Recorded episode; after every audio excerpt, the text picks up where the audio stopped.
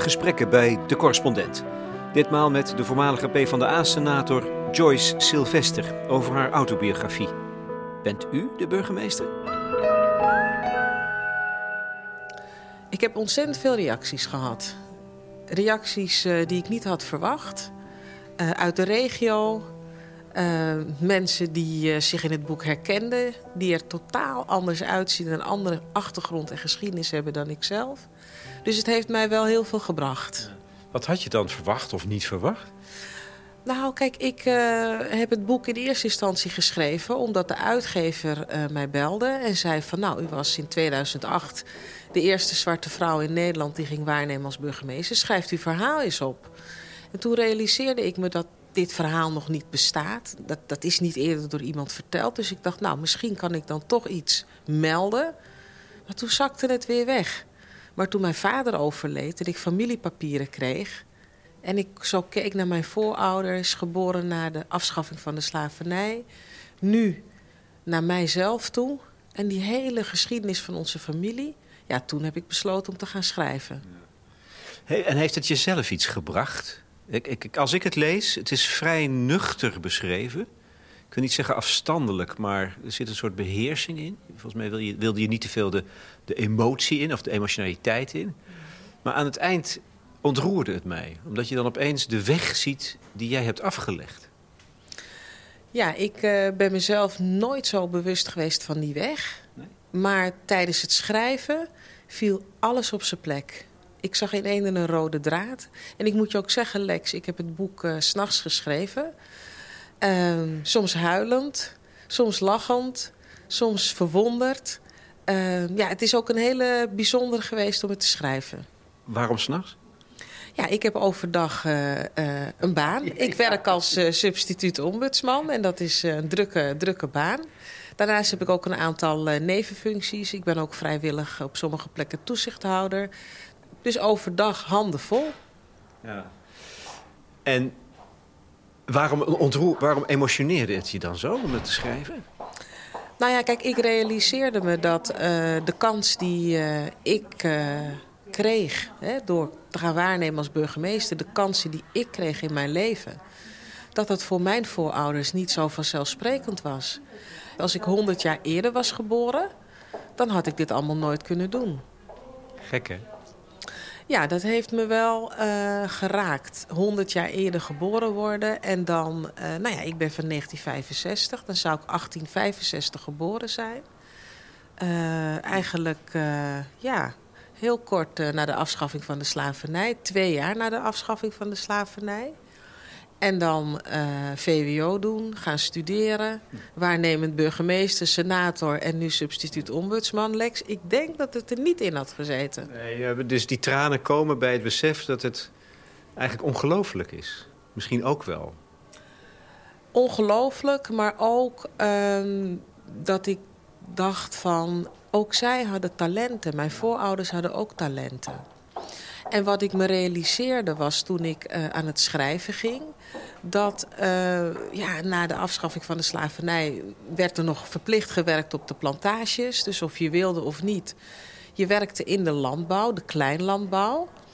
Maar toen al begon het te kraken. Want er waren ook al mensen in mijn familie die uh, het district, Coroni, waar mijn familie vandaan komt, hebben verlaten. En die naar de stad wilden uh, of uh, iets heel anders gingen doen. En ik moet altijd wel glimlachen om een van mijn uh, grootooms...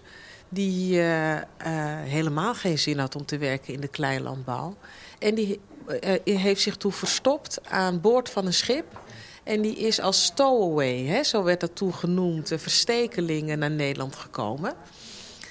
Ja, en die werd ontdekt aan boord. Maar ze waren al te ver weg om hem terug te sturen. Dus die kwam op die manier naar Nederland. En die is artiest geworden. Dus op een gegeven ogenblik zag je in mijn familie... dat er allerlei talenten losbarsten. En dat was een moment uh, van schrijven waarop ik weer heel blij werd.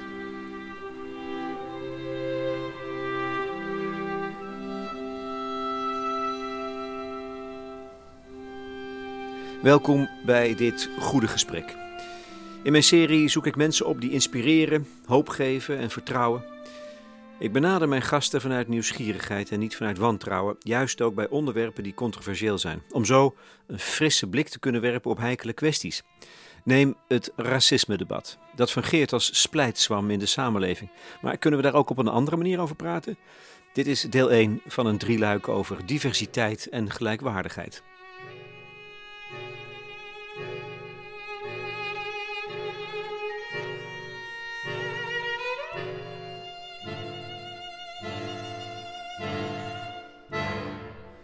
Joyce Sylvester is nazaat van tot slaaf gemaakten in Suriname.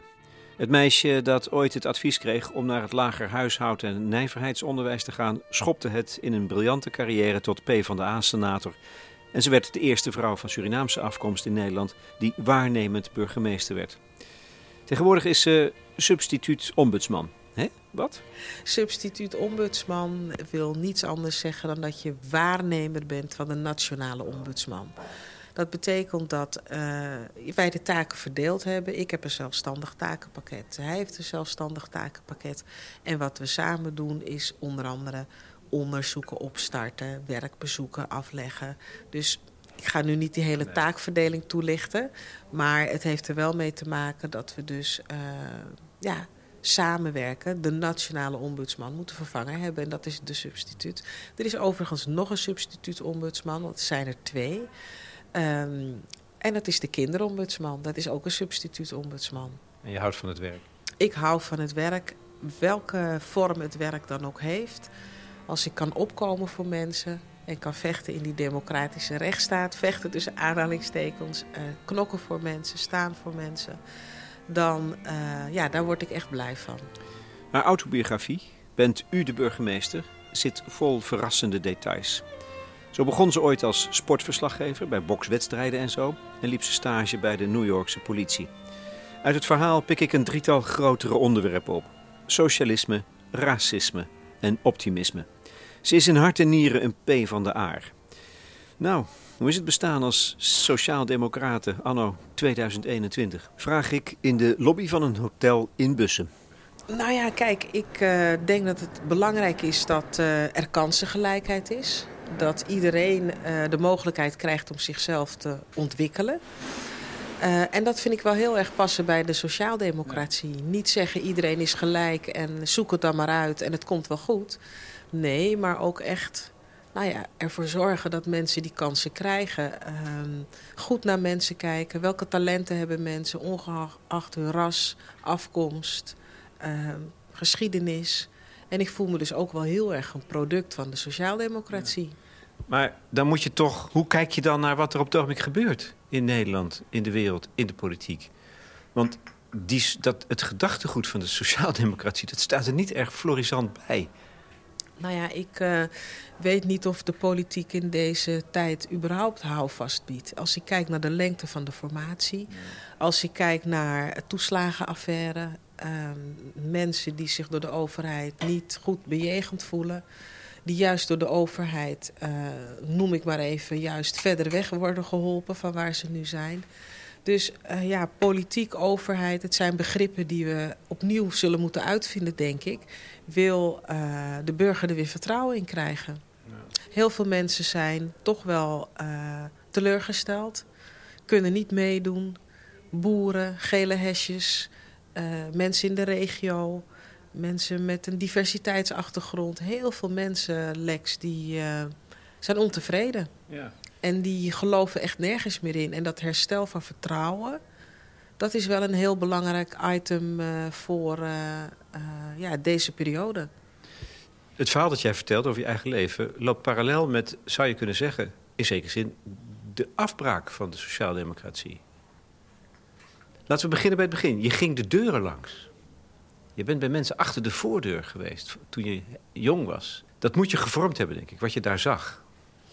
Nou, kijk, uh, een van de dingen die ik belangrijk vond... is om ook echt iets te kunnen doen voor mensen. En ik vond het dus niet bevredigend om langs de deuren te gaan... al dan niet in verkiezingstijd...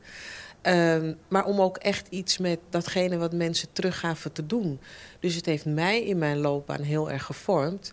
Uh, door uh, naar mensen te luisteren Maar om dan ook echt heel doelgericht iets met hun uh, opmerkingen te doen. En ook weer terug te gaan naar mensen. Dus ik vind het niet vrijblijvend. Nee. Maar wat hoorde je dan en wat deed je dan? Wat kon je dan doen? Nou ja, wat ik hoorde was dat mensen zeiden... ik voel me niet veilig in mijn buurt. Ja. mijn buurt verandert heel erg. mijn vertrouwde omgeving is weg. Ik heb geen werk, ik heb een te klein inkomen. Nou, dat soort dingen die mensen heel dichtbij raakt in de kwaliteit van hun leven. En ja, je kunt toch wel uh, op hele concrete wijze mensen uh, ondersteunen. Uh, aan de ene kant denk ik, mensen willen niet gepamperd worden. Aan de andere kant denk ik, mensen willen niet helemaal losgelaten worden. Dus ja, datgene wat het liberalisme heeft gebracht. De marktwerking, de privatiseringen. Dat is ook niet wat we nodig hebben. Dus het gaat er eigenlijk om dat mensen zelf hun leven willen regelen. Maar als ze er niet uitkomen, wel terecht kunnen bij de overheid, bij de politiek. En dan ook echt oplossingen aangedragen krijgen. Ja. Je hebt notabene, ben je gepromoveerd op privatiseringen. Dat is toen begonnen, 40 jaar geleden. Dus je zou kunnen zeggen, daar begint het neoliberalisme. Had jij het door wat het betekende? Hoe, hoe, want, ja, ik weet niet of je het funest moet noemen, maar ik zie het wel als funest, die, het begin van die ontwikkeling. Nou, ik kreeg het door. Uh, ik denk dat dat de tweede periode is geweest toen ik senator was. Toen behandelden we onder andere uh, het wetsvoorstel liberalisering van de postmarkt. En toen zag ik inderdaad wat het betekent voor de arbeidsvoorwaarden van de postbodes. Dat zelfs op de kosten bezuinigd moest worden. En dat in feite uh, marktwerking ook betekent dat je moet kunnen concurreren, omdat er anderen op die markt komen. Maar dat het dus ook betekent dat er op de arbeid uh, ja, toch wel behoorlijk bezuinigd moet, moet uh, gaan worden. En ik weet nog dat we in de fractie eindeloos onderhandelden en moesten doorspreken over hoe kan je nou wel die privatisering en liberalisering van de postmarkt doorlopen. Maar die arbeidsvoorwaarden voor die postbode wel ja, in orde houden, in stand houden. En ja, dat bleek echt ontzettend ingewikkeld. En als ik erop terugkijk, denk ik dat we het hele proces toen hadden moeten stuiten. Ja, is, ja dat, daar zeg je wat, hè? Daar had het nog gekund, tegenhouden. Ja. ja. Aan de andere kant was het, uh, was het in die tijd zo dat het ging allemaal om marktwerking. Er moesten meer aanbieders op de markt. Het ging om kwaliteit. Uh, monopolisten moesten worden afgebroken, want het zou allemaal te duur zijn.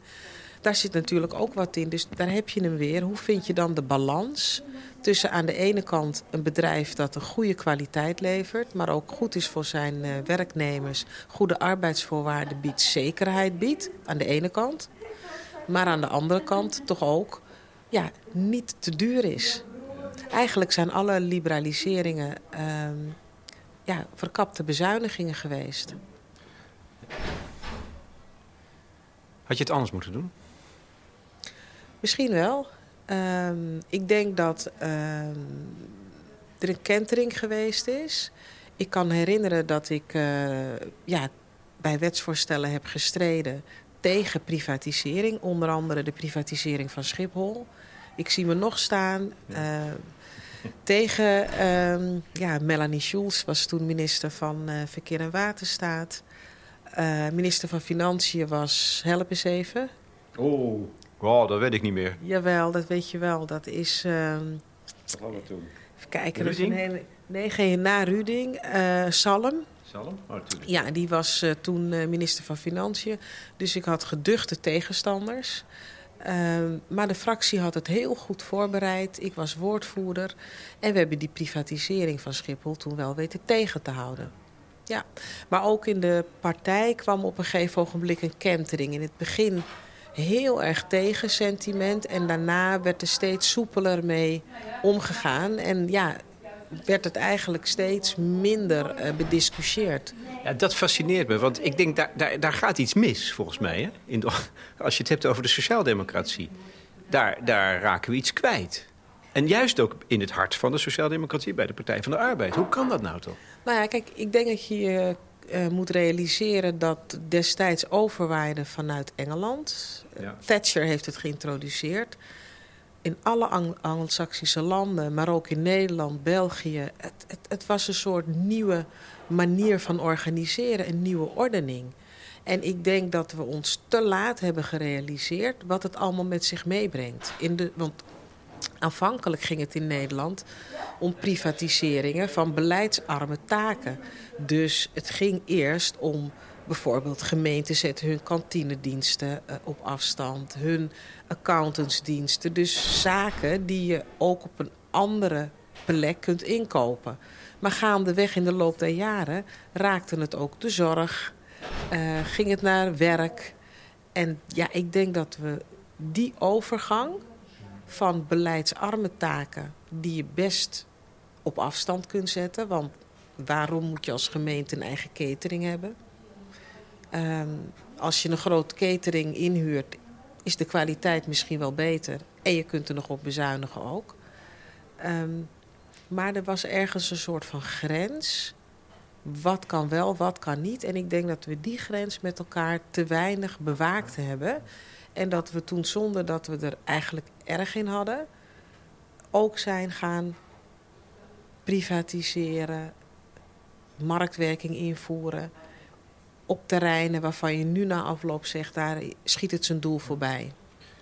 Hoe zie je dat? Is dat een tragedie eigenlijk? het, het, dat, het, dat het zoiets gebeurt omdat je niet inzicht hebt. In dat je dan een grens overgaat die later uh, nou ja, echt, echt hele nare gevolgen zal hebben. Ik denk dat het uh, misschien wel inherent aan het leven is. Dat je uh, de dingen niet voorziet, het doet. En na afloop, als je erop reflecteert, denkt dat, had, dat hadden we anders moeten doen. En dat je dan uh, kijkt waar kan je het nog repareren, hoe kan je terug. Sommige dingen kan je wel terugdraaien, andere niet meer. Maar ja, ik denk dat we nu wel in een tijd zitten waarin weer gezocht wordt naar de balans. Ja. Maar daar is de overheid toch de macht kwijt? De regie kwijt? Ja en nee, de overheid is nog opdrachtgever hè? vaak van, uh, van uh, taken. En het gaat er dan ook om dat je als overheid die, dat opdrachtgeverschap op een goede manier vormgeeft. En dat is leren, dat, dat moet de overheid ook leren. Wat zou de overheid daarin meer moeten doen? Ik heb het niet zo lang geleden met Herman Tjenk-Willink erover gehad. Dat, dat er bijvoorbeeld op, op de uitvoering van het beleid... de opdracht wordt wel gegeven, maar er wordt, dan zijn het marktpartijen die het uitvoeren. En daar wordt helemaal niet meer naar gekeken. Ja, en het mooie is dus dat uh, de cirkel wel rond kan komen als bijvoorbeeld een gemeente de vuilophaal uitbesteedt. En als je dat uit hebt besteed, dan kan je twee dingen doen. Dan kan je zeggen, dat heb ik uitbesteed, dus dat is klaar. Maar je kunt ook, als je wethouder bent... Waar, uh, van het takenpakket waarin de vuilophaal valt... kan je ook zeggen, ik ga er een paar keer per jaar op werkbezoek. Hé, hey, mag ik jullie klachten eens zien? Hebben jullie klachten van burgers? Mag ik die zien? Als de burgers naar het stadhuis komen met klachten, dan kan je zeggen ik verwijs ze door. Maar je kunt ook zeggen wat zijn uw klachten? Hé, hey, dat vind ik interessant om te weten. Je hebt één keer in de zoveel tijd natuurlijk ook je contractbesprekingen. Nou, dat doe je thuis ook. Hè? Als iemand werk voor je doet, heb je ook één keer per jaar een evaluatie. Hoe doen we het? Wat kan beter? Dus ik denk echt dat dat opdrachtgeverschap, dat dat beter vormgegeven kan worden. En uh, dat burgers als het ware ook erop moeten kunnen rekenen, uitbesteed of niet... dat ze altijd bij de overheid terecht kunnen als het niet goed loopt. Dus het is een soort correctie van die ontwikkeling, zo zie je het. Het is niet fundamenteel terug naar af, maar een correctie van de nare gevolgen. Een correctie en het ook serieus nemen van je burgers. Want als, er, als burgers klagen over vuilophaal of over zorg... Um, en je luistert daar als overheid wel naar... dan kan je dus wel degelijk degene die de zorg uitvoert, daarin corrigeren. Want dat neem je dus mee in je besprekingen. Uh, en dat koppel je terug als je informeert naar wat zijn nou klachten. Hebben jullie klachten? Wat zijn die klachten? Ik denk dat dat goed is.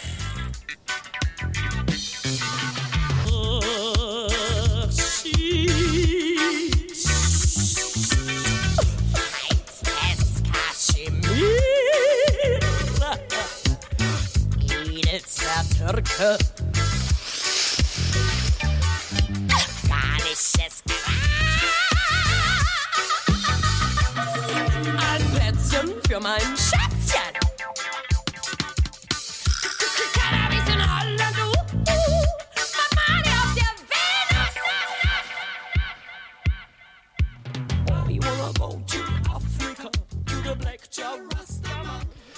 Als het gaat over de sociaaldemocratie en het, het gedachtegoed van nou, ook de PvdA... waar jij nog steeds lid van bent en natuurlijk ook senator voor bent geweest... en burgemeester, waarnemend burgemeester...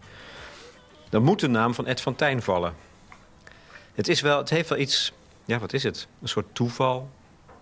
Hè, dat je, je moeder huismeester werd in de, in de ambtswoning van de burgemeester van Amsterdam. Ed van Tijn was toen burgemeester. Jij, jij, jij ging daar dus in het, je ging in, in het huis van de burgemeester wonen. Nou, ik was eerlijk gezegd al op mezelf. Oh en mijn ouders die uh, gingen daar wonen. Mijn moeder die uh, was een tijdje, uh, ja, ondersteunde zij de huismeester. De huismeester ging met pensioen. En er kwam een vacature en er werd geworven en gezocht. En ja, er werd eigenlijk niet iemand gevonden waarvan de burgemeester zei, die vind ik geschikt. En ineens viel het oog op mijn moeder. Van zij doet dat al een tijdje. En waarom vragen we mevrouw Sylvester niet of zij zou willen solliciteren? Nou Lex, binnen no time reed de vrachtauto voor met, met de verhuiswagen voor. En dan gingen de spullen. En mijn ouders en mijn jongste zus gingen toen wonen op de Herengracht, nummer 502. En dan kwam ik vaak bij mijn ouders. Hè, als studenten ging ik bij mijn ouders even een hapje eten of kijken hoe het met ze ging. Gewoonste zaak van de wereld? Gewoonste zaak van de wereld. Mijn Heb je dat echt zo ervaren? Moeder, dat geloof ik niet. Mijn moeder keek door het luikje en, uh, en toen uh, gingen wij, ging ik uh, naar binnen om bij hun een hapje te eten. Ja, eigenlijk is dat op een heel natuurlijke wijze gegroeid. Omdat mijn moeder daar al werkte, ging ze ja, ging ze haar werk achterna eigenlijk. Maar de ontmoetingen met Ed van Tijn, ja, die, die waren echt heel bijzonder. De weinige keren dat ik hem sprak en mocht spreken, tegenkwam... Uh, hadden we altijd hele intensieve gesprekken. En mijn moeder zei altijd... hou de burgemeester nou niet van zijn werk. In de deuropening. Hij moet naar boven of hij moet naar het stadhuis. Maar ik wilde altijd alles weten. En ik was gefascineerd door die inbewaringstellingen. En een gesprek met Ed van Tijn over de inbewaringstellingen heeft mij doen besluiten van... en nu wil ik zelf ook gaan bijdragen aan die democratische rechtsstaat. Ik weet nog niet hoe of op wat voor manier of wanneer, maar ik wil dat ook heel graag doen. Dus het was ook wel heel bijzonder toen... Uh, ja, een aantal jaren daarna, ik, uh, nadat ik was gepromoveerd op het onderwerp privatisering en gevraagd was om te solliciteren voor het Eerste Kamerlidmaatschap, omdat al die wetsvoorstellen eraan kwamen, hè, de Post, de Schiphol, de NS en dergelijke, um, dat ik Ed van Tijn weer zag lopen met een grote zwarte tas op het Binnenhof. Um, want hij was ook senator en ik was ook senator geworden. en uh, ja, dan zie je dat het leven een heel bijzondere loop heeft. Ja. Boy, dat detail hè, van die inbewaringstelling, wat fascineerde je? En, en waar, wat zei die eigenlijk? Wat, wat je, dat is zo'n gesprek dat je je leven langs bijblijft, hè? Ja, wat mij is bijgebleven is uh, ja, dat mijn moeder altijd uh, heel lang moest wachten uh, als hij de inbewaringstellingen ging bestuderen. Even voor de mensen die niet weten wat het is, dan vraag je aan de rechter om iemand tegen zijn of haar wil op te nemen. Nou ja, om wat voor reden dan ook. Ja, uh, iemand wordt eigenlijk ja, zonder dat hij of zij toestemming geeft in bewaring gesteld. Um, en uh, ja, mijn moeder stond altijd s'nachts, uh, want dat gebeurt in Amsterdam, kwam de rijdende psychiater s'nachts langs. Een paar keer per nacht zelfs. En dan nam mijn moeder de enveloppen aan en de papieren en de stukken. En die gingen dan naar de burgemeester. En de burgemeester die bestudeerde dat altijd heel nauwkeurig. En maar, maar in de nacht dus, hè? in het holst van de nacht? In het holst van de nacht. Um, en ik dacht, wat, wat gebeurt daar toch iedere keer in het holst van de nacht? Hè? Dat, dat mijn moeder naar beneden gaat om dat op te halen. Uh, de rijdende psychiater kreeg een kopje koffie en een koekje van uh, patisserie Olsthoorn. en ik dacht, wat gebeurt daar nou? Waarom moet dat zo lang bestudeerd worden? Ja. Dus toen ik de burgemeester erover sprak, uh, dacht ik, nu wil ik het weten. En ik vroeg, waarom bestudeert hij die in bewaringstellingen zo lang? Um, en toen beet Ed van Tijn mij toe. Het is een vrijheidsbeneming. En daar kan en wil ik heel serieus mee omgaan. Kijk maar in de grondwet, daar staat het. Um, nou, en dat fascineerde me. En daardoor ben ik me nog meer in de grondwet gaan verdiepen. Ik studeerde al politicologie. Uh, maar daardoor wilde ik er nog meer van weten. En toen dacht ik, ja jeetje, als dit zo kan... Hè, dat een burgemeester dat mag zonder dat de arts er nog naar gekeken heeft... Uh, en het uiteindelijk wordt bepaald door de rechter of het wel of niet had gemogen. Het is wel heel interessant werk. En daar werd voor mij het zaadje geplant voor mijn burgemeesterschap. Ja, ja prachtig. Maar ook de felheid waarmee hij dat zei, denk ik. Dat, moet, dat, dat misschien maakte dat, als hij het nou een beetje achterloos, ja, kijk maar eens in de grondwet. Had het jou misschien wel veel minder uh, geraakt? Nou, kijk, hij was uh, altijd heel intens met zijn werk bezig. Ed van Tijn was altijd of op het stadhuis of in de stad. Hij deed zijn werk op een heel uh, intensieve manier. Dat heeft mij ook geïnspireerd. Het deed ertoe. Uh, heel veel. Uh, ik kan me ook herinneren dat hij altijd bezig was om uh, ja, mensen naar de ambtswoning te halen, om gesprekken te voeren. Nelson Mandela. Nou, allerlei mensen die naar de ambtswoning kwamen op werkbezoek naar Nederland en dan bij hem ook op bezoek kwamen. Mijn moeder mocht de mensen binnenlaten. Was voor haar ook een hele bijzondere ervaring. Ik kan me nog herinneren dat Gorbachev uh, oh, ja. geweest is. Ja, kan ik me ook herinneren. Uh, Jessie Norman is ook geweest. De zangeres. De zangeres, maar ook atleten als Nelly Koman is geweest. Ja. Hè? En, en allerlei mensen. En dat was voor mijn moeder een hele bijzondere ervaring.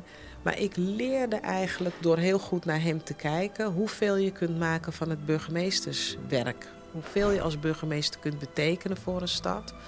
Dus ja, toen ik eenmaal zelf in, in, in veel kleinere plaatsen uh, het ambt mocht uh, invullen, wilde ik er ook altijd alles uithalen.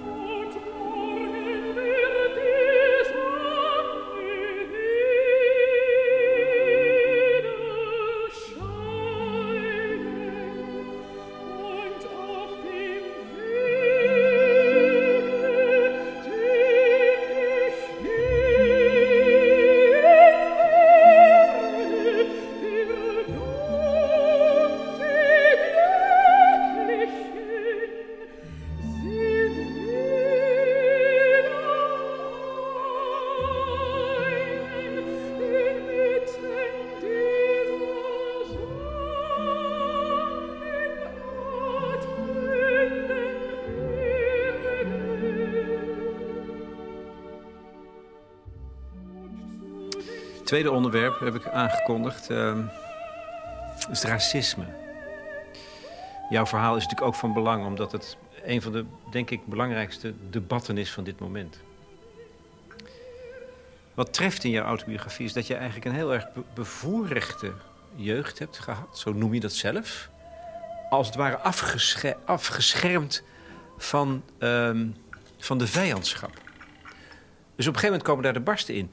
Als je daarop terugkijkt, is dat, is dat wat goed is om te doen? Bescherm kinderen maar zo lang mogelijk? Nou, ik heb daar ook wel eens over gesproken met mijn ouders. En die zeiden van ja, wij vonden het gewoon heel erg belangrijk... dat jullie op jonge leeftijd de familie goed leerden kennen. Zelfvertrouwen zouden krijgen. Uh, konden groeien. De mooie dingen van het leven uh, zouden uh, kennen. En dan komt vanzelf komt, uh, komen die barsten, zoals jij dat noemt. Maar daar kan je dan ook tegen. Ja. En we hadden thuis altijd ook gesprekken over uh, het moment waarop die barsten ontstonden. Wat wij daarvan vonden en hoe we daarmee om konden gaan. Voor mij is dat een enorme steun in de rug geweest. Ik weet nog dat ik uh, met mijn vader, is ook een passage die ik beschrijf in het boek, langs de lijn stond bij uh, Real Sranang, een Surinaamse voetbalvereniging, waar de vaders van Rijkaard, Gullit, uh. En uh, dat waren soepele voetballers. Daar werd aan de lopende band gescoord. Uh, de voetbalvereniging was toen in Amsterdam-Noord. En heel veel mensen die uit Suriname kwamen... die gingen daar dus ja, voetballen. Maar ook gezelligheid zoeken, lekker Surinaams eten. Maar er werd vaak met bananen gegooid door tegenstanders op het veld. Ik wist niet wat ik zag, Lex. Er werd met bananen gegooid. En dan werd er vaak ook wel uh, gevochten op het veld. Want uh, de spelers waren ontzettend gekwetst en beledigd. Dus dan spreken we het over de jaren 70 al, hè? Even we voor de... het over de jaren 70, begin jaren 70. En uh, mijn vader was uh, bij de voetbalvereniging scheidsrechter. Hij voetbalde zelf ook. En hij zei altijd, toch is dit niet de manier. Want je verliest de wedstrijd ook nog eens een keer. Want als er gevochten wordt, wordt de wedstrijd geschorst. Je verliest de wedstrijd. Je krijgt de bananen op het veld, die moet je ook nog verwerken. Hè? Dat, dat, dat, dat, dat, zeg maar uh, gedaan wordt. Ja, het is eigenlijk een dubbele nederlaag die je leidt. En de tegenstander die gaat er uh, vrolijk fluitend, uh, bij wijze van spreken, mee vandoor. Dus ja, dat nadenken over van wie is nou dit probleem? Van wie is nou dit probleem van racisme en discriminatie? Wij waren er thuis niet mee bezig. Wij waren bezig om vooruit te komen, om aansluiting te zoeken in de samenleving. Dus ja, ik heb van huis uit altijd wel geleerd: racisme of discriminatie is het probleem van de ander. Je meldt het en je gaat er alles tegen proberen te doen. Maar je houdt wel je koers vast. Je laat je niet van de wijs brengen. Um, door racisme en door discriminatie. En daar ben ik heel erg mee opgegroeid. En ik merk dat ik het thuis nu aan mijn eigen zoon ook uh, vertel. En uh, het geeft een enorme houvast, een enorme steun. Eén, om het te kunnen delen met familie, die dat dus ook zo kan ervaren. Twee, om daarna te begrijpen, het is niet mijn probleem, het is het probleem van de ander. En drie, en daar ga, gaan ja, binnen mijn familie gaan we daar wel verschillend mee om. Sommigen gaan er dan nog een schepje bovenop doen. En daar was ik er een van. Om te laten zien dat het wel degelijk kan. Gewoon bewijzen. Bewijzen. Maar het probleem ligt, het is het probleem van de ander. Maar het, dan rij je naar huis en dan denk je, wat is hier gebeurd? Dus je ontkomt er niet aan. En vandaag de dag, jonge kinderen... ik denk dat ze jonger zijn dan, dan misschien wel toen in de jaren zeventig... die krijgen er veel sneller last van, volgens mij. Nou ja, kijk, eh, dan heb je het ook over eh, beelden, hoe je naar elkaar kijkt. Dat is ook de titel van mijn boek. Bent u de burgemeester? Um, in deze tijd is het helaas nog zo dat, dat kinderen uh, verkeerde schooladviezen krijgen. Dat heeft niet alleen te maken met culturele achtergrond, maar ook kinderen van ouders die ja, een eenvoudige achtergrond hebben. Um, als je uit de regio komt, ik, ik denk altijd maar aan het boek van uh, Liliane Ploemen. Uh, de doch, die dochter was van de melkboer. Um, heel veel mensen die uh, herkennen dit. Ik had dit willen worden, maar ik kreeg een laag schooladvies. Gebeurt vandaag de dag nog. En toch is het belangrijk om daar te blijven, daartegen te blijven strijden. En ervoor te zorgen dat, ja, dat dat gewoon op de agenda komt. Begrijp jij het? Wat racisme is?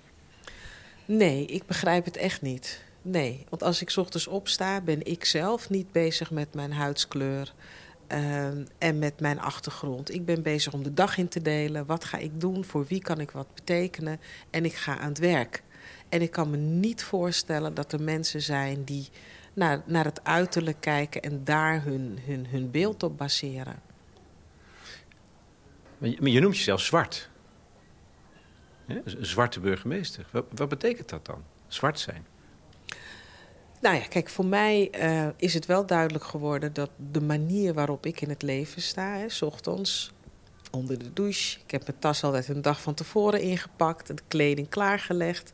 En dan denk ik, nou, ik ga ervoor. Maar ik heb wel geleerd dat er een wisselwerking is tussen mij en de ander. En de ander die ziet een zwarte vrouw. Dat is mij gezegd. Ik zie een zwarte vrouw. Ik zie het zelf ook natuurlijk als ik in de spiegel kijk. Maar voor mij heeft het niet die lading. Maar voor een ander kan het wel die lading hebben. En het heeft mij geleerd dat we nog heel hard moeten werken om die beelden bij te stellen. Um, als ik op het stadhuis sta, tijdens een receptie, met de Amsketen. En er komt iemand naar me toe die zegt: Bent u de burgemeester? Dat geloof ik niet. Dan denk ik, wat gebeurt hier? En dan heeft het er wel mee te maken dat ik en vrouw ben en zwart ben, dat iemand dat tegen mij zegt. En dan denk ik, oh, ik ben gewoon met mijn werk bezig, maar blijkbaar ziet iemand anders iets anders. Hoe moet je daarmee omgaan? Hoe krijgen we dat de wereld uit? Ik kan me gesprek herinneren met Siggy Lens. Die als een van de uh, weinigen uh, de SLM-ramp heeft overleefd. Overigens met een ernstige dwarslesie waar hij in de loop der jaren wel van hersteld is, grotendeels. En die zegt, ja, het gaat nooit stoppen. Dat bananen gooien op het veld gaat nooit stoppen. Je zal altijd mensen hebben die dat soort dingen doen. En ik denk dat hij gelijk heeft. En ik denk dat we misschien uh, die mensen ook maar los moeten laten. En dat we met de mensen die wel nog ruimte hebben om elkaar te ontmoeten, met elkaar te spreken, met elkaar te groeien, die met elkaar die samenleving willen vormen, dat we daarmee verder moeten gaan. Je zal altijd een hele kleine groep hebben die, ja, die daar niet overheen kan. Of die, uh, ja, die, die blijft zeggen, het zijn apen. Mensen blijven dat gewoon zeggen. Ja, dan ben je uitgesproken, Lex. Het zo intens Ik kan het zeggen, het is zo intens treurig. Ja, ondanks de, de, de... Het is intens triest, maar dan moet je op een gegeven ogenblik het gesprek stoppen. Ja, of het, het, het gevecht aangaan. Hè? Ik, er is volgens mij een jonge generatie die bereid is om te strijden, om het conflict op te zoeken. Hoe zie jij dat? Is dat... Ja, ik, ik kijk ook naar de effectiviteit. Um, en ik denk dat er een uh, groep, grote groep is uh, waar je uh, mee in gesprek kunt. Die ook graag het gesprek met elkaar willen. Die ook naar elkaar willen luisteren. Oh, ik wist niet dat jou dat kwetste. Nou, als jij dat zo ervaart, kan ik mijn gedrag aanpassen. Oh, ik wist niet dat jij zo keek naar mij. Nou, maar nu ik dat weet, kan ik. Hè? Dus die echt wel oog hebben voor elkaar. Ik denk dat dat veel beter is uh, dan begin jaren 60 toen mijn ouders vanuit Suriname naar Nederland kwamen. Toen werd er aan de huid gevoeld. Ben je echt zwart? Nou, dat, dat is nu ondenkbaar dat mensen dat doen. Dus ik heb het idee dat in de loop der jaren mensen steeds wel meer naar elkaar toe groeien. Steeds meer van elkaar te weten komen. Oh, dat, is, dat betekent Holy Pagwa. De Ramadan houdt dat in. Ja, ik wist het ook niet, Lex. Ik heb het ook moeten leren en uitgelegd moeten krijgen. Als de buurman kwam met de schaal met halalvlees... dan zei ik, waarom kom je vlees brengen? Wat is hier aan de hand? En dan zei hij, ja, de Ramadan is afgelopen. Dat kom ik met u vieren. Nou, dan ging ik nalezen, waar gaat het eigenlijk over? En zo groei je gewoon steeds meer naar elkaar toe. Maar er zal altijd een kleine groep blijven die zegt... Ik wilde niks mee te maken hebben. Uh, niet aan mij besteed. Ja, en die mensen die marginaliseren zichzelf daarmee. Want ik denk dat het merendeel van de mensen in de samenleving verder wil. En met elkaar uh, door wil. En ik denk dat, dat mensen ook uh, heel erg genieten van het leven in de democratische rechtsstaat. Waar we allemaal in vrijheid kunnen leven uh, onze dingen kunnen doen, ons kunnen ontwikkelen. En dat er heel weinig mensen zin hebben in uh, kleine groepjes die mogelijk kunnen radicaliseren. En daarmee een bedreiging vormen voor ons allemaal. En dat is dan vooral in dit geval radicalisering aan de rechterzijde. Het gevaar is heel lang heeft het, is het gesignaleerd geweest, uh, met name onder, ook onder, onder moslimjongeren. En als je verder teruggaat, dan waren het linkse partijen die radicaliseren. Maar nu zit het helemaal aan rechts. Ja, je zegt, er is dus een deel dat je op moet geven. Dat maar dat, dat deel, dat boezemt mij gigantisch veel angst in. Want daar, daar, daar kan politiek gewin uh, gevonden worden. Ja. Ik uh, blijf erin geloven, Lex, dat dat toch een klein deel is... wat nooit de overhand zal kunnen krijgen. Nooit, want de meeste mensen zijn heel, uh, ja, toch wel nieuwsgierig naar een ander... zijn misschien onbekend, moeten wennen... Uh, stellen misschien ook vragen waarvan je denkt... oh, wat een, wat een rare vraag. Ik stel zelf ook wel rare vragen, hoor. Ik heb mezelf ook, ik heb ook een blunder begaan. Dat was voor de coronacrisis. Liep ik op station Utrecht. En uh, er zat iemand in een rolstoel boven aan de trap. En voor ik het wist, ben ik daar naartoe gegaan en heb ik gezegd... kan ik u helpen? En degene zei, kan ik u helpen? Waar heeft u het over? Ik zeg, nou, u zit in een rolstoel en u moet toch naar beneden? Nou, dus u gaat ervan uit, omdat ik in een rolstoel zit, dat ik niet beneden.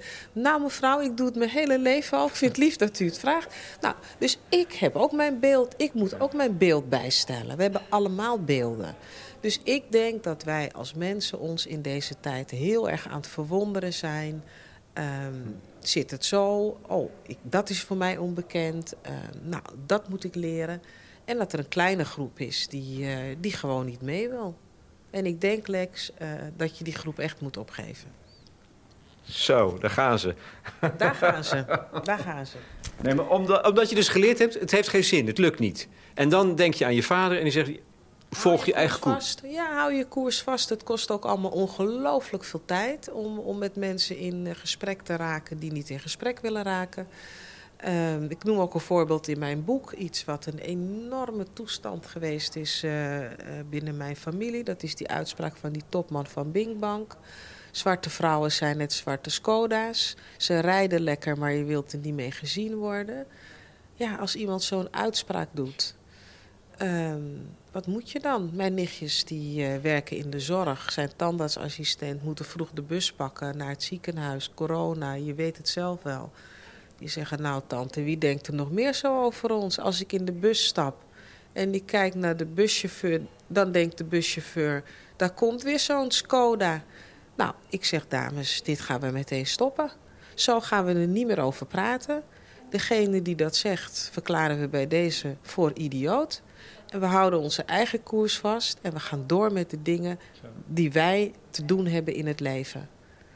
En ik denk dat dat heel belangrijk is. Want wat, wat moet je nou zeggen tegen iemand die zulke, zoiets, zo'n gedachte uit? Het is te absurd voor woorden. En, ja, dan met zo'n in zo'n verantwoordelijke positie nog eens. In zo'n verantwoordelijke positie nog eens. En dan denk ik, ja, hij heeft een probleem. Niet wij hebben een probleem. Hij moet zijn probleem zien op te lossen. Dat is niet helemaal waar. Want mensen hebben... er zijn ongelijke kansen.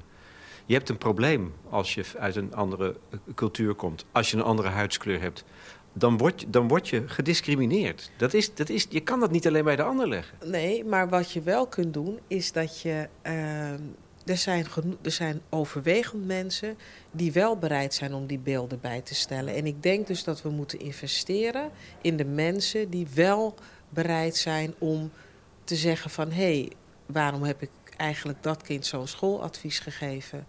Dat heeft er toch mee te maken dat ik blijkbaar verwacht met die achtergrond dat een kind het niet kan. Geen vangnet om een kind heen, een kind heeft geen begeleiding.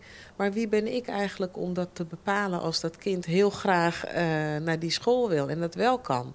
Dus dat zijn stappen in bewustwording. En ik denk dat we het iedere keer weer aan de kaak moeten stellen. Uh, iedere keer weer op tafel moeten leggen, met elkaar moeten bespreken, elkaar ook bewust moeten maken van. Uh, hey, wat jij nu doet, klopt dat wel? Wat ik nu doe, klopt dat wel? Maar nogmaals, die categorie die daar zo radicaal in zit... ja, ik denk dat dat... Uh, dat uh, er is geen begin aan. Mi canto, mami dede. Mi canto, mami dede. Biggie boto canto. Mami dede, biggie boto canto. Mami dede, bigi boto canto dide. Mami dede.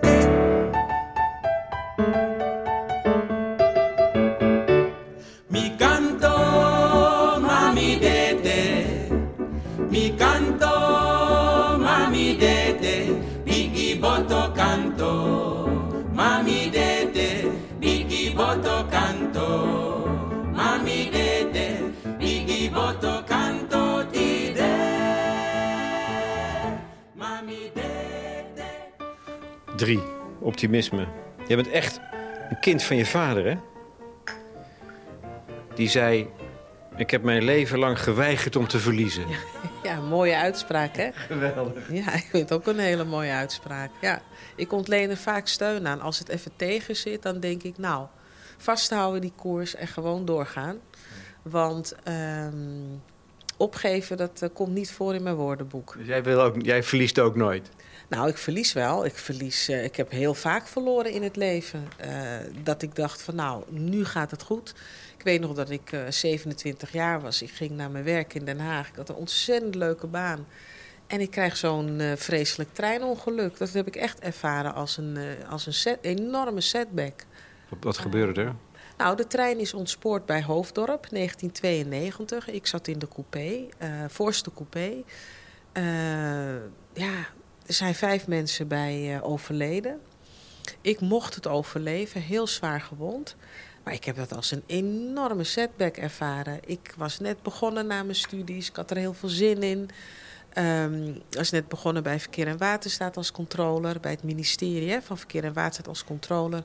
En er gebeurt zoiets. Dus ja, ik bedoel. Um, ik wat, is dan, wat is dan je eerste reactie eigenlijk? Of nou, ja, die eerste, want je, je komt bij uit verdoving en met heel veel pijn. Dat, want, want je hebt het op een haarlaan niet overleefd. Precies. Nou ja, de, de eerste reactie is... ik moet zorgen dat ik in leven blijf. Dus het is eerst een gevecht voor het leven... En daarna weer van, oh ja, waar was ik mee bezig? Met een proefschrift schrijven, dat wil ik graag afmaken. Waar was ik mee bezig? Met mijn werk wil ik weer op kunnen oppakken. Dus ook in dat opzicht is het gewoon goed om die mentaliteit te kunnen voelen van... zolang ik adem kan halen, blijf ik vechten. Waar haal je het vandaan? Uh, ja, dat vraag ik me soms ook wel eens af. Maar ik kan heel slecht tegen onrecht, uh, Lex. Ik wil altijd iets voor mensen betekenen. Um, dingen aan de kaak stellen, uh, de wereld verbeteren. Uh, en ook staan voor die democratische rechtsstaat. Eigenlijk is dat zaadje wat Ed van Tijn in mij heeft geplant. Ik was laatst bij hem en ik heb hem een boek kunnen overhandigen. Hm. En hij heeft mij opgebeld. Ik heb het gelezen. Wil je weer bij mij, uh, wil je me weer opzoeken binnenkort? Dus ik ging binnen drie weken, ben ik twee keer naar hem toe geweest. Eerst om het boek te brengen en daarna om te horen wat hij van het boek uh, vond. Maar dat zaadje wat hij in mij heeft geplant, sta voor die democratische rechtsstaat. Niet akkoord gaan met onrecht. Tegen discriminatie, racisme. Laat maar zien dat het wel kan. In combinatie met mijn jeugd. Waarin mijn ouders dus, uh, nou ja, ons hebben opgevoed met hou je koers vast. Ik denk dat, uh, ja, nu we het er eigenlijk zo over hebben... is wel het cadeautje wat je me geeft nu, Lex... dat dat eigenlijk de twee sporen zijn. Aan de ene kant uh, Ed van Tijn... die zegt staan voor die democratische rechtsstaat. Aan de andere kant de kracht die mijn ouders gaven... Uh, hou je koers vast, dat dat de railsen zijn waardoor ik door het leven glij, als het ware, door het leven ga. Ja, en die energie heb ik iedere dag weer. Misschien zit daar nog wel iets anders bij. In de nacht schrijven en terugdenken aan je voorouders. Ja, je schrijft ergens, mijn, mijn voorouders waren slaven. Je schrijft niet eens tot slaafgemaakten, wat mij trof. Mm -hmm. ik, zou, ik, moet, ik voel mij verplicht om te zeggen, jouw voorouders waren tot slaafgemaakten. Mm dat, dat moet ook altijd nog. Want ik, als je je afvraagt, waar haal je die kracht vandaan? Er is niet een geloof, begreep ik. Dus, dus je moet het dan uit jezelf halen. Ja, wat is dat? Dat is ook waar je vandaan komt, denk zeker. ik. Zeker. Nou, dat is zeker waar. En nogmaals, ik denk dat uh, de kansen die zij, nu, die zij niet hadden... hebben we vandaag de dag wel. En dat is voor mij ook een soort van... Uh, maak het maar waar nu ook. Ik heb echt het gevoel alsof ik het ook voor hun doe. Um, hm. Toch nog, hè? Dat gaat toch niet... Nog, ja. ja. toch nog. En het optimisme wat zij hadden om door te gaan. Het vertrouwen wat ze hadden om uh, hun kinderen te krijgen. Die kregen weer hun kinderen. Uiteindelijk zit ik hier nu. Dat is toch ook wel, ondanks alles wat je meemaakt, vertrouwen houden. En ook je eigen koers vasthouden. Ondanks alles wat, wat, wat er is gebeurd in je leven... Um, ja, het, moet, het, is gewoon een, een, een nare, nare periode uh, als ik de verhalen ook terughoor. Dat je geen keuze hebt om je talenten te ontplooien. Je moet in die kleinlandbouw werken. Um, al kan je iets heel anders. Gelukkig is die tijd achter de rug. Um, en ik... zei mijn vader ook altijd... Um, eigenlijk wil ik niet meer over die periode praten... Uh, dat boek hebben we dicht gedaan, het boek over uh, de slavernij. Wat we wel moeten doen, is dat we op 1 juli uh, altijd herdenken waar we vandaan kwamen. En ons iedere keer weer beseffen wat we vandaag de dag kunnen doen. En daar 300% voor gaan. Want terugkijken heeft geen zin. Tenminste, zo is het bij mij thuis opgepakt. Um, en het kan zelfs ook belemmeren dat je gaat meedoen aan de samenleving. Dat vind ik wel, Lex. Uh, ik word erg verdrietig als ik mensen hoor praten over die witte mensen en die zwarte mensen. Dat is volgens mij niet de weg die we met elkaar op moeten.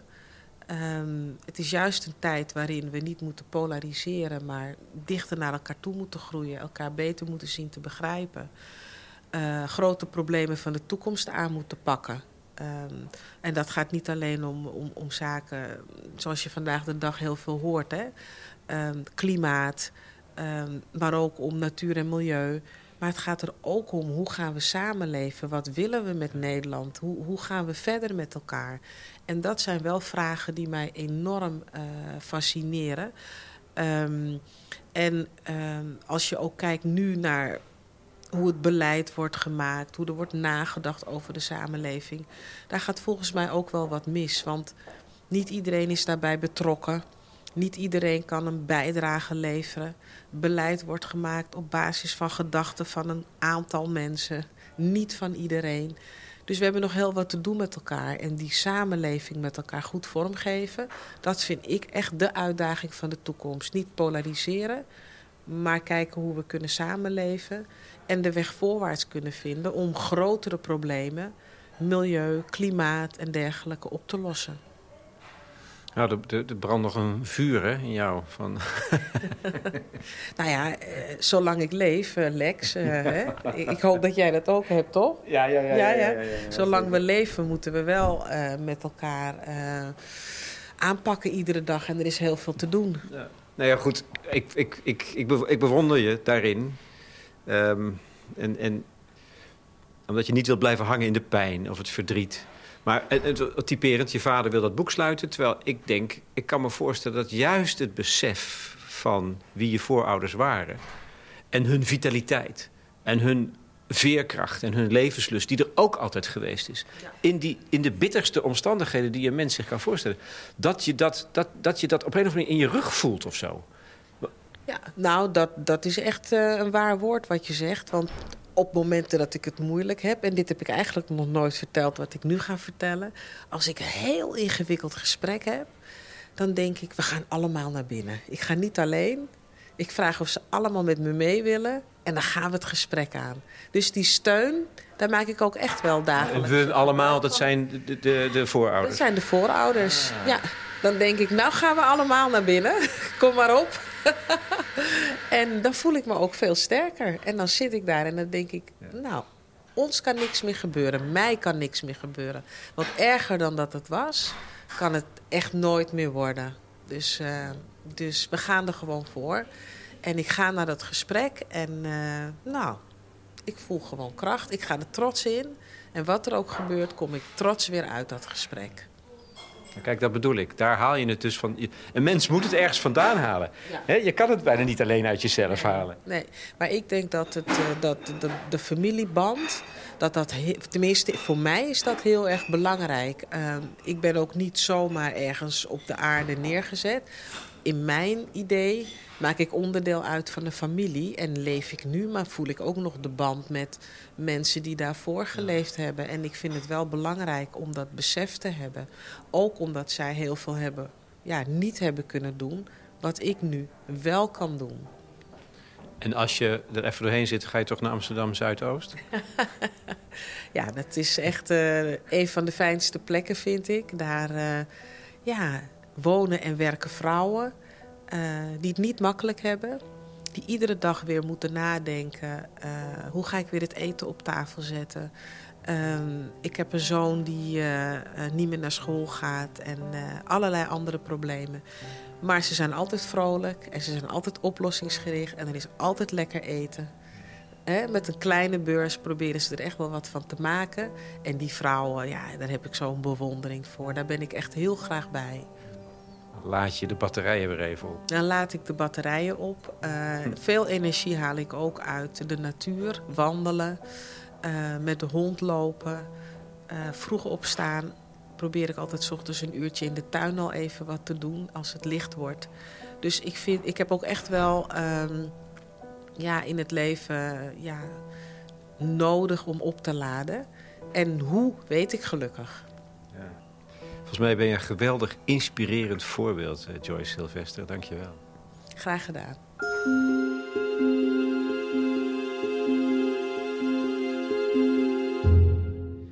Joyce Sylvester in gesprek met Lex Bolmeijer voor de correspondent over haar autobiografie Bent u de burgemeester? Die verscheen bij Atlas Contact. We kunnen erover doorpraten op het platform van de correspondent. Dat is toegankelijk voor leden. En je bent al lid voor zeven tientjes per jaar. Daar krijg je dan wel een jaar lang kwaliteitsjournalistiek voor, voorbij de baan van de dag. En dit gesprek met uh, Joyce Sylvester was het eerste deel van een drieluik over racisme en diversiteit. Volgende week de inclusiemarathon van Kauthar Bouchalik en Zoe Papaikonomou. En dan de muziek tenslotte. Ik putte uit het boek van Joyce zelf. Als meisje blaerde ze keihard mee met Nina Hagen, African Reggae. Haar moeder deed ooit de deur open voor Jesse Norman fragment uit een lied van Strauss morgen En met z'n allen zongen ze Mi canto ma mi dete. Ik koos voor de versie van Wishful Sing. Ik ben omgevallen, maar niet overleden. Mi canto,